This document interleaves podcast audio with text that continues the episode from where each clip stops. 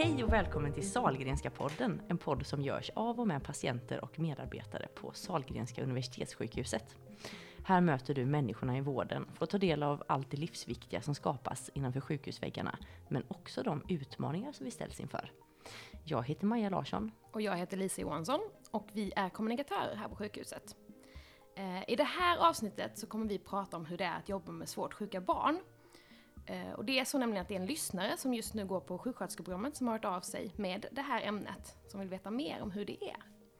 Och därför så befinner vi oss just för tillfället på Drottning Silvias barn och ungdomssjukhus och då på Barncancercentrum som ungefär tar hand om 100 nyinsjuknade barn med cancer varje år.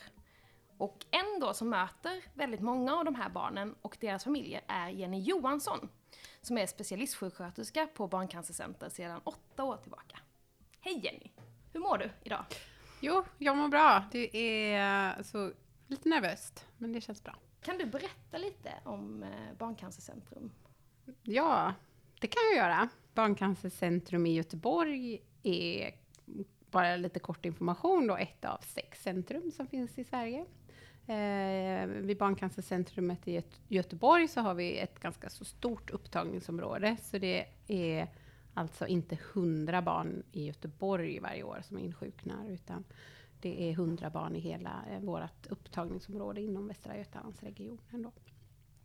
Eh, och jag jobbar ju då med barn som insjuknar i cancersjukdom och även en, eh, kan vara andra blodsjukdomar som inte är cancer.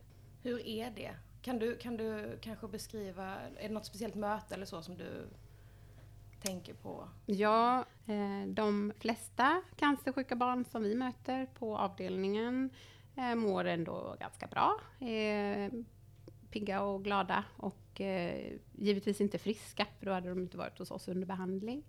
Men sen har vi ju även barn som får väldigt hårda behandlingar. Man ska säga. De behandlas med cytostatika och får väldigt mycket biverkningar. Och av den anledningen mår väldigt dåligt. Så att det, att jobba med cancersjuka barn innebär att man möter både ganska pigga och glada barn, men även väldigt, väldigt sjuka barn. Vad var det som fick dig att eh, börja jobba här och börja arbeta med svårt sjuka barn?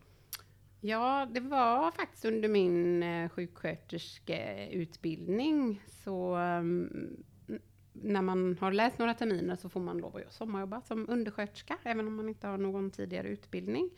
Eh, så då skickade jag in en spontanansökning till Barnsjukhuset i Göteborg, för jag tyckte att åh, det lät ju häftigt med ett sjukhus för barn och där kan man kanske få jobba. Och den sommaren som jag jobbade här var ju väldigt speciell, för det var första gången jag träffade mm, väldigt eh, sjuka barn och det var första gången som jag såg eh, barn utan hår och stora och små barn utan hår och bleka barn och ehm, sjuka barn eh, på det sättet. Men kände ändå en väldigt ehm, engagemang och um, ja, härlig känsla eh, från avdelningens sida. Att eh, det var okej okay att tycka att det var eh, konstigt eller okej okay att tycka att det var jobbigt. Och okej okay att känna för de här barnen. Så de tankarna du hade inför jobbet och när du bestämde dig för att jobba med detta och hur det faktiskt var sen i verkligheten. Hur, hur stämde de överens? Eller, du var lite inne på det här att det var första gången du såg. Mm. Hade de tankarna funnits där under utbildningen eller hur det skulle vara? Alltså, Alltså, både ja och nej, men kanske mest nej. Det är svårt att föreställa sig hur eh, ett barn som, som ändå är... Alltså de, de här barnen, eller man ska säga, alla barn som får cancer går ju oftast från att vara helt friska barn. Så över från, oftast är det ett väldigt snabbt förlopp. Så från den ena dagen till den andra kan de ha suttit i skolbänken, varit på förskolan, varit ute och lekt med kompisar på lekplatsen och sen nästa dag ligger de in hos oss. Eh, och då eh, ser man ju inte så stor skillnad mot barn som man möter ute i vardagen. Eh, det är ju när de har varit ett tag och fått behandling som de, de blir eh, mera synligt sjuka. Eh, och det hade jag... Eh, jag hade inte riktigt kunnat föreställa mig hur det var att se eh, framförallt de små barnen som uttrycker smärta på ett eh, sätt som eh, sjuka barn kan göra. Den eh, föreställningen hade man ju inte kunnat tänka sig innan. Ehm, sen eh, har de ju slangar och i kroppen och, och sånt. Och det är ju också svårt. Det är ju ingenting man lär sig på en utbildning eh, och se även om man pratar om olika eh, behandlingssätt. Och, så är det inget man ser framför sig. Vad var det som gjorde att du inte liksom avskräcktes av det? Ja, För det eh, låter som att det inte enbart var ett... ehm, alltså det låter som att det också var ett svårt möte med en verklighet Mm. som du inte hade sett innan. Men det var nog att många, ja, men framförallt att föräldrarna eh, upplever oftast efter en tid hos oss en väldig trygghet. Eh, att de, eh, upp, alltså de utstrålar en väldig trygghet och då jobbar som personal med de här föräldrarna som där det faktiskt är deras barn som är sjuka och de känns väldigt trygga i situationen. Gör att det känns mycket enklare. Eh, vi jobbar ju alltid med föräldrarna eh, eller anhöriga vårdnadshavare, heter det, till barnen. Så att barnen har ju alltid någon med sig. Och, och se en förälder vara cool och trygg i att ta hand om eh, sitt icke välmående barn eh, gjorde, det- gör det, eller gjorde i varje fall att jag fick en styrka och känna att klarar de det så klarar jag ju det på ett professionellt sätt. Um, och sen har jag nog aldrig känt något tvivel egentligen att, att jag tycker att det är svårt. Alltså, an, jag, jag tror lite att antingen så har man ett spontant möte med barn eller så har man inte det. Och för mig har det alltid varit väldigt lätt att prata med barn och, och jobba med barn. Um, vare sig det är inom sjukvården eller eh, inom andra aktiviteter. Så ja, för mig är det lättare att jobba med barn än att jobba med vuxna. Hur är en vanlig dag på Barncancercentrum? Du kommer hit sju... Ja. Ja, jag kommer hit 07.30 kommer jag. Eh, och då, eh, en vanlig eh, sjuksköterska på avdelningen, höll jag på att säga alla, jag är också vanlig, men eh, de flesta börjar 06.45 eh, och jag börjar 07.30 för att jag har en hund som jag går ut med varje morgon. Fick jag sagt det också? Eh, men 07.30 kommer jag och då har ju vården liksom varit igång i 45 minuter från dagskiftet. Ehm, så då sätter man sig snabbt, får en inblick i vilka patienter det är man har. Är det patienter man känner sedan förut eller är det helt nya? Ehm, är det helt nya så får man ju läsa in vad, vad finns det för resurser i den här familjen som finns med på plats och göra en bedömning av barnets vårdbehov ehm, för idag och även en tid framåt. Sen så är det väldigt mycket mediciner på vår avdelning, så stor del av morgonarbetet går ut på att förbereda eh, läkemedel. Och det är alltifrån eh, D-vitaminer som barnen tar hemma till eh, antibiotika, cytostatika, ehm, ja, in, alltså dropp, vätskeinfusioner och, och sånt. Och sen när man har spenderat två timmar i läkemedelsrummet kanske för att förbereda allt detta så ger man ju barnen mediciner också. Helst innan de två timmarna för att det var väldigt lång tid att stå i två timmar och förbereda. Hur är det att ge dem, ge dem mediciner? Hur tas det? Ja, det, det kan tas emot på väldigt många olika sätt. En del barn har inga problem med det. Eh, alla våra patienter har eh, något som kallas för en central infart. Det är en eh, slang inopererad under huden, strax under nyckelbenet som går i en eh, båge under nyckelbenet och så in i ett stort kärl i hjärtat. Och det är det som vi använder och ger mediciner i. Ehm, och de flesta barnen har inga problem med att vi använder de slangarna. Sen så finns det de barnen som är helt livrädda för sin slang och tycker då att det är jättekonstigt att det kommer en främmande människa in och ska ta i den här slangen och ge mediciner. Eh, Så att eh, att ge ett läkemedel till ett barn på vår avdelning kan ta allt ifrån 5 minuter till 45 minuter. Samma läkemedel. Det Så lång att tid. det- Det kan ta lång tid. det kan ta lång tid och det gäller att vara flexibel. Jag har sett ett sånt läkemedelsschema som ni har. En patient kan ju ha något som ska vara en gång i timmen, någonting var fjärde timme. Alltså det är verkligen ganska... Eh, man måste verkligen ha koll på läget verkar det som. Mm. Det måste man ha. Ehm, och och samtidigt så gäller det ju, om, om man då ska på pappret säga vad man ska göra, så gäller det ju att planera sin tid extremt noggrant. Men sen kan det ju vara då att du kommer in till barnet klockan åtta på morgonen och så har barnet kräkts ner hela sig själv, hela sängen eh, och behöver in i duschen. Eh, och då ligger du ju redan en halvtimme back. Eh, för eh, det kan ta, eller ja, oftast så tar det en stund och det ska bäddas rent och sängen ska städas och barnet ska duschas av. Och sen tillbaka i sängen halv nio och då ska du börja och ge dem medicinerna som du skulle gett klockan åtta.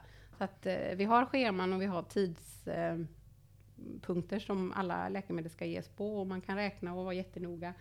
Eh, men det är väldigt många saker som kan inträffa som, försvårar det. Så att vi jobbar, ehm, ett barn som har ett sådant läkemedelsschema, då jobbar man ju ständigt under tidspress enbart för att få in alla läkemedel.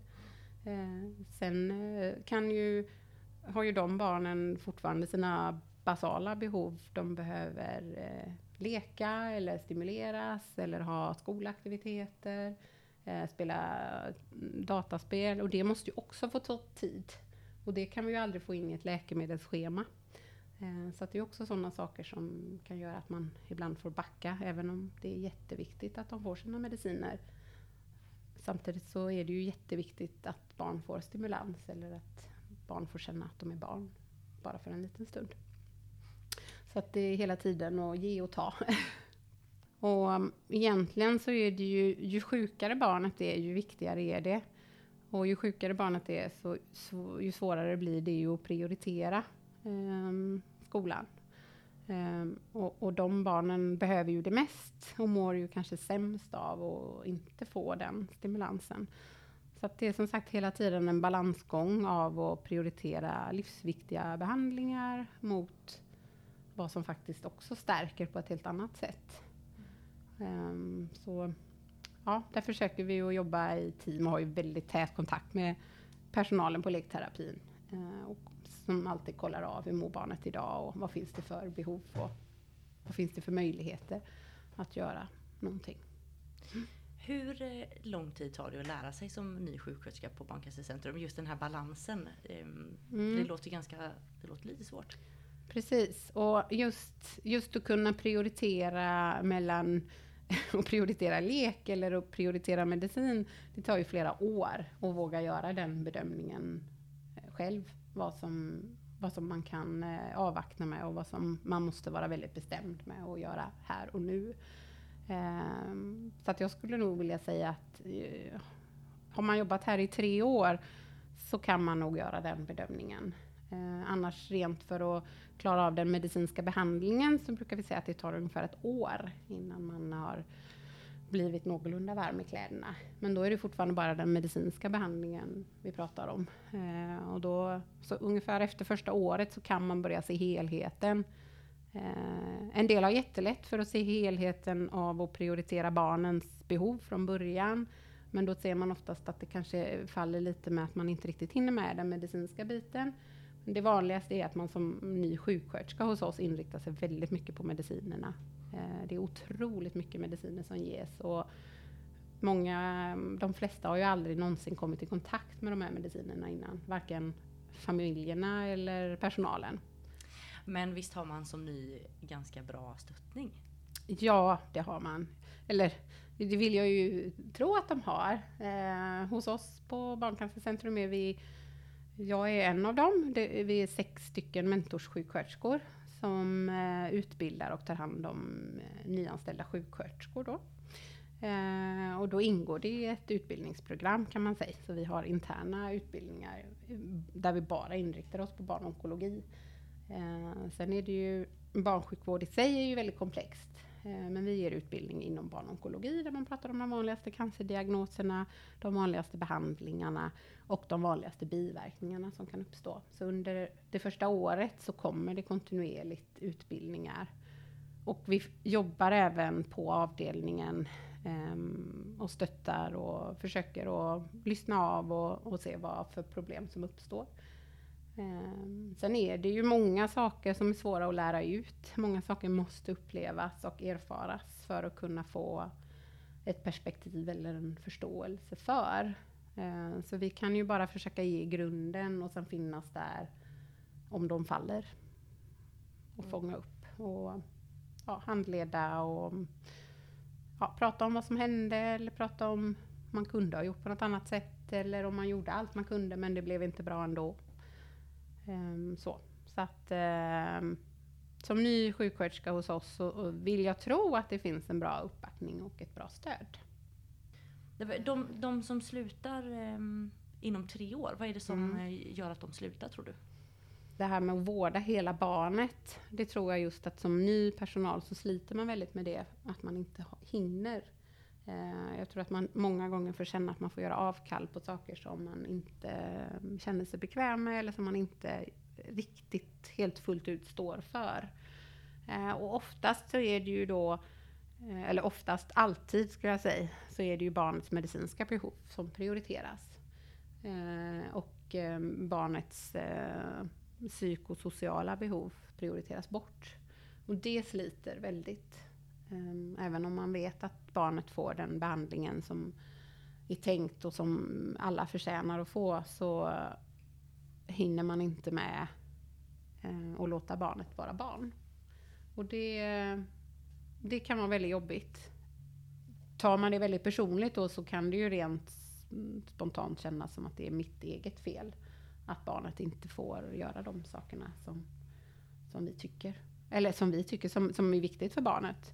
Eh, för det är ju svårt också, det, om man jobbar inom vuxenvården så kanske det är lättare att få eh, en vuxen att förstå varför man måste ge en viss behandling och varför man måste göra saker. Mm, barn under 14 år skulle jag bara rent utan forskning vilja säga, har ju inte den vad säger man, sjukdomsinsikten där jag kan säga att du måste stanna på avdelningen nu i åtta timmar Eh, även om det är fint väder och du vill ut och leka och dina syskon är här och är ute och leker. Men du måste stanna här för du ska få medicin. Det är nog väldigt svårt för dem att förstå det. Eh, medan man mot en vuxen kanske kan man som vuxen känna sig mer motiverad. Att ja, men gör jag detta de här åtta timmarna nu ger mig ett helt liv. Men för ett barn är det ju här och nu. Därför gäller det ju att jobba väldigt mycket med föräldrarna. Såklart. Föräldrarna blir ju barnets trygghet. Ehm, men ehm, ja, som ny sjuksköterska på avdelningen då så kan jag tänka mig att det är sådana saker som gör det.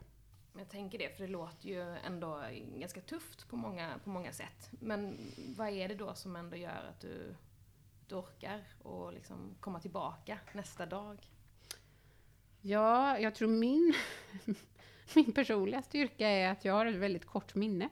Så att när jag eh, går härifrån och vaknar nästa morgon så är jag lika positiv igen och tänker att nu kommer jag till jobbet och jag kom, oftast så kommer jag innanför dörren och tänker att oj vilken spännande dag det här ska bli.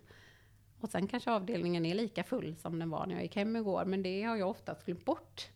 Eh, så det tror jag är min styrka. Eh, och plus att jag älskar utmaningar. Eh, och tycker att det är fantastiskt eh, och kunna göra mm, skillnad. Mm, och plus, det finns många plus med mitt jobb tycker jag. Och sen att Eh, jag som har valt att bli sjuksköterska, jag får ju lite av många olika världar. Jag får en väldigt eh, högteknologisk vård, väldigt mycket medicin, väldigt mycket teknik och även möjligheten att leka när tillfälle ges.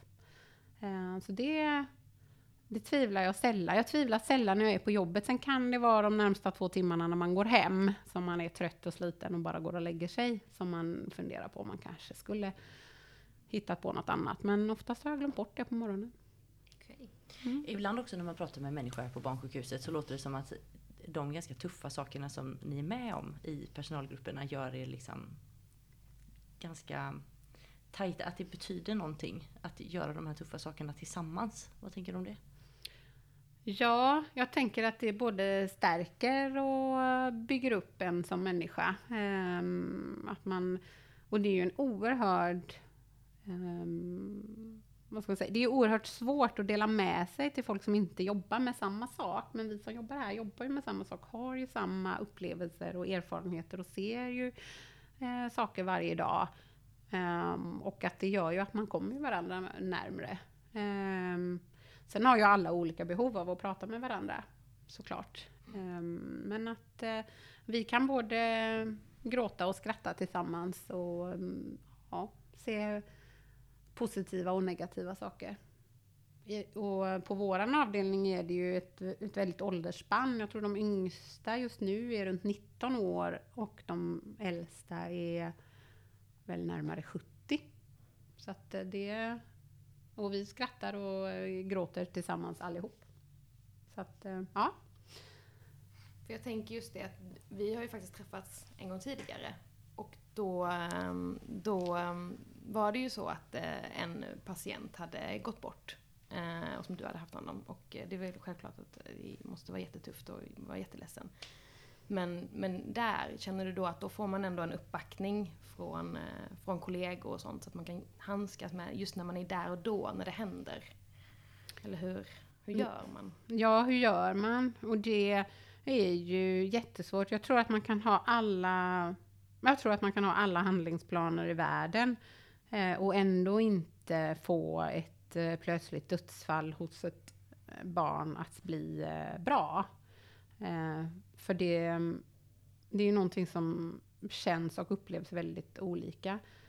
Um, om man säger, ibland vårdar vi ju barn som är extremt sjuka och jättedåliga och man tänker många gånger att det kommer inte överleva till imorgon.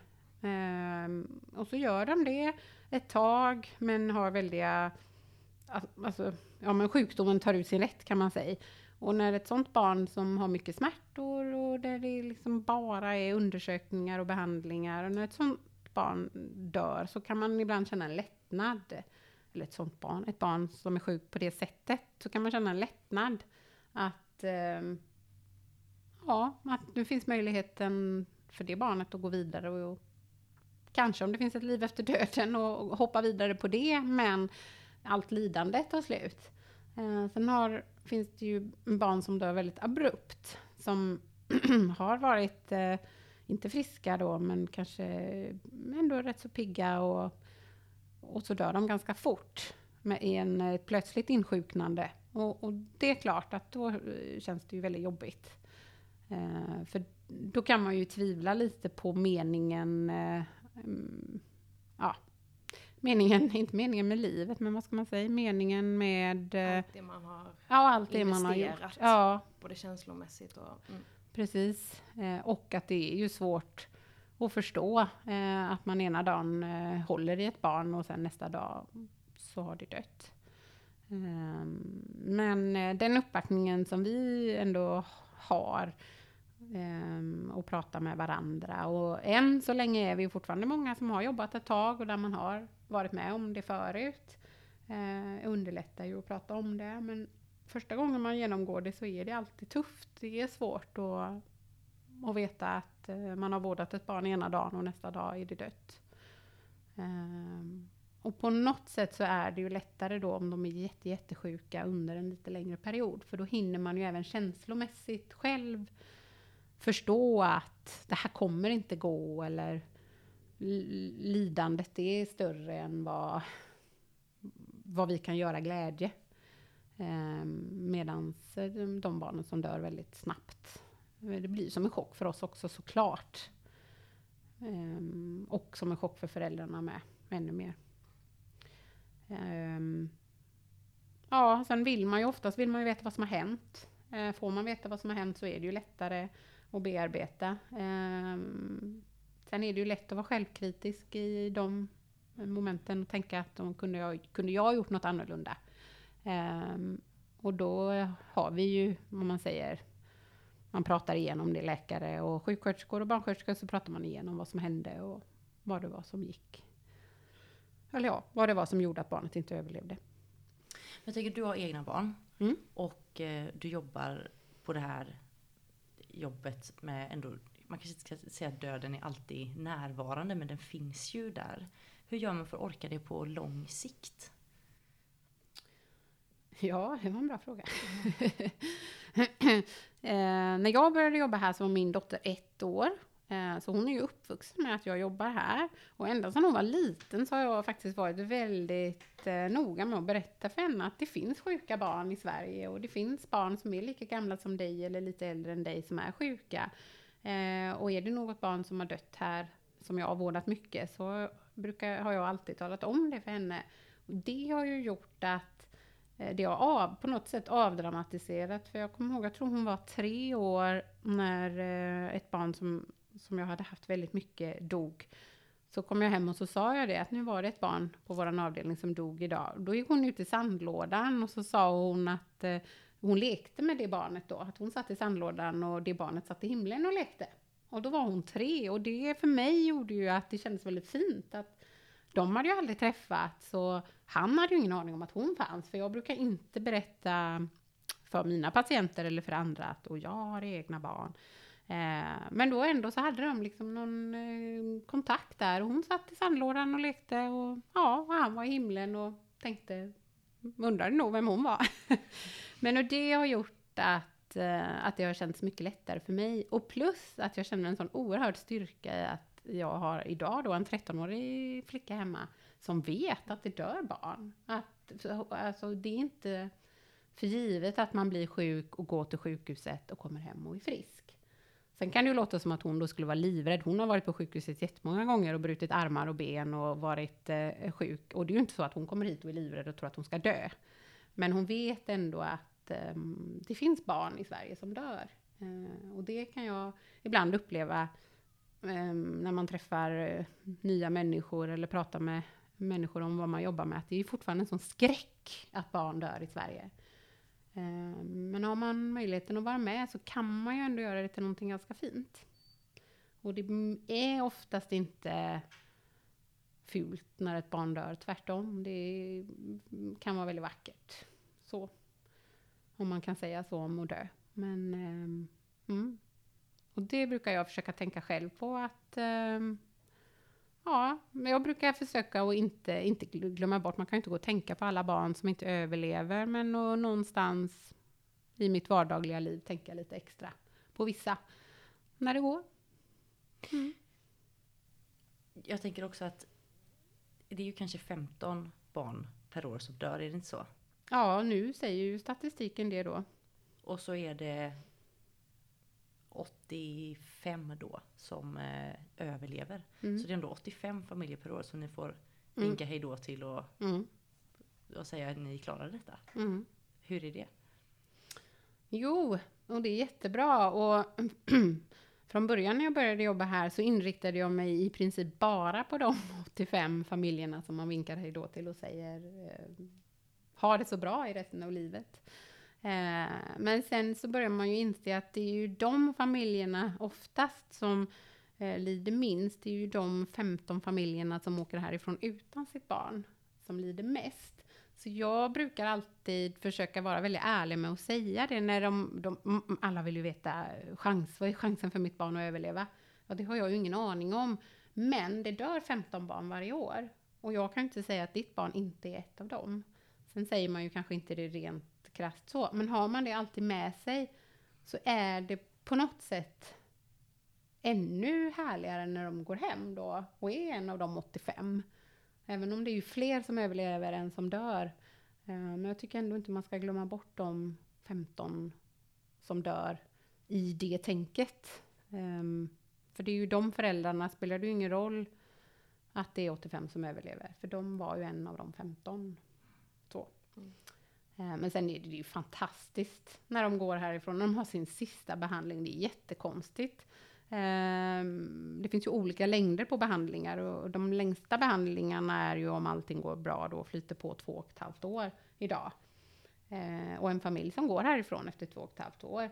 Barnet kan ju ha varit ett år när de insjuknade och så är de tre och ett halvt år. Det är ju en helt annan person och så ska de gå härifrån, så att det kan ju bli både för familjerna och för oss en liten separation. Att, ska vi inte komma till er mer och ska vi inte få följa er längre? De kan ju ha fått både syskon och saker på vägen.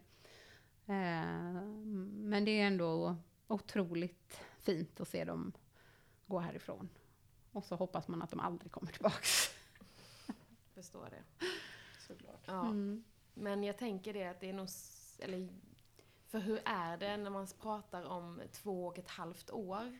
Då, är- de är inte här två och ett halvt år. Nej. Nej. Men de kommer varje vecka eller hur vanligtvis? Jag förstår att det är väldigt olika. Mm. Från, Ja, om man ska prata specifik behandling då så är det ju leukemi, alltså ALL-patienterna som behandlas under två och ett halvt år och då är ju första halvåret väldigt intensivt och sen glesas det ut. Mm. Och sista mm, delen av det två och ett halvt åren så är de ju här kanske en halvtimme varannan vecka eller eh, mer sällan om allting går jättebra. Så att de barnen kommer ju inrusandes, får ett stick i fingret, leker lite med våra pussel och sen rusar de ut igen. Och så hinner man inte ens fatta att jaha, det, det var han eller hon som låg på tresängen eh, för två år sedan och var jättesjuk. Nu eh, är den här. Så att eh, eh, de barnen är ju väldigt roliga, för då, de är ju som friska. Mm. Men sen är det ju korta behandlingar också där de eh, går här under ett halvår, väldigt intensivt under ett halvår och sen är de klara. Då går de hem. Och det är ju också mm, härligt såklart. Helt, det är ju det man önskar, att vi kunde ge till 100% av alla, alla våra barn. Mm. Alltså korta behandlingar, Korta behandlingar och att alla överlever. Mm. såklart. Precis. ja, om du nu då om du nu då skulle eh, efter all den här erfarenheten, de här åtta åren eh, någonting som du skulle säga till dig själv när du gick på sjuksköterskeprogrammet? Har du något sånt? Ja, det skulle nog vara, och det skulle jag vilja säga till mig själv än idag, och det är nog faktiskt att våga prata om döden. Um, för det, ju längre man jobbar och inte pratar om det, ju svårare blir det. Så det skulle jag nog vilja säga redan på sjuksköterskeutbildningen. Um, att, um, ja, det är ju det enda vi vet i livet, det är ju att alla ska dö. Sen dör vi ju på olika tider. Så det skulle jag nog vilja säga. Uh, och sen uh, skulle jag nog vilja säga att, uh, ja men att um, att jobba som sjuksköterska är oerhört modigt. Det visste jag inte då och det tog många år innan jag själv förstod det, att det var ett jäkligt häftigt yrke. Jag är jätteglad att jobba här och eh, barn eh, som insjuknar i cancer, det känns som att det oftast är de tuffaste och coolaste barnen som insjuknar i cancer, för de är hjältar alltså. Det är helt otroligt att få träffa dem. Så det, ja, de barnen ska vara stolta över hur de är. Jag vet inte om du har eh, lyssnat på några poddar, men det är nämligen så att det ställs en eh, fråga på slutet som vi ställer till alla. Så nu tänkte vi att vi skulle ställa den till dig också. Eh, och det är om du skulle få vara sjukhusdirektör i en dag, vad skulle du göra då? Då skulle jag... Ja, vad skulle jag göra då? Då skulle jag se till att Eh, personalen på barnonkologen eh, fick vara så många som de förtjänade att vara. Det hade jag gjort. På alla personalkategorier. För idag är vi underbemannade på alla personalkategorier. Mm. För barnens skull hade jag gjort det. Inte för personalen. för barnens skull, för det behöver de. Mm. Tack så hemskt mycket för det här, Jenny. Det var ett väldigt känslosamt men eh, härligt möte med dig. Och tack för alla er, till alla er som lyssnar. Och eh, om det är någon annan som har ett önskemål på gäst eller på eh, ämne som vi ska prata om så är det jättevälkommet. Och också tankar och synpunkter på det här avsnittet. Man kan till exempel mejla till maja.larsson.vgregion.se Eller så kan ni mejla till www.johansson.vgregion.se Tack så hemskt mycket! Sahlgrenska podden, en podcast från Västra Götalandsregionen.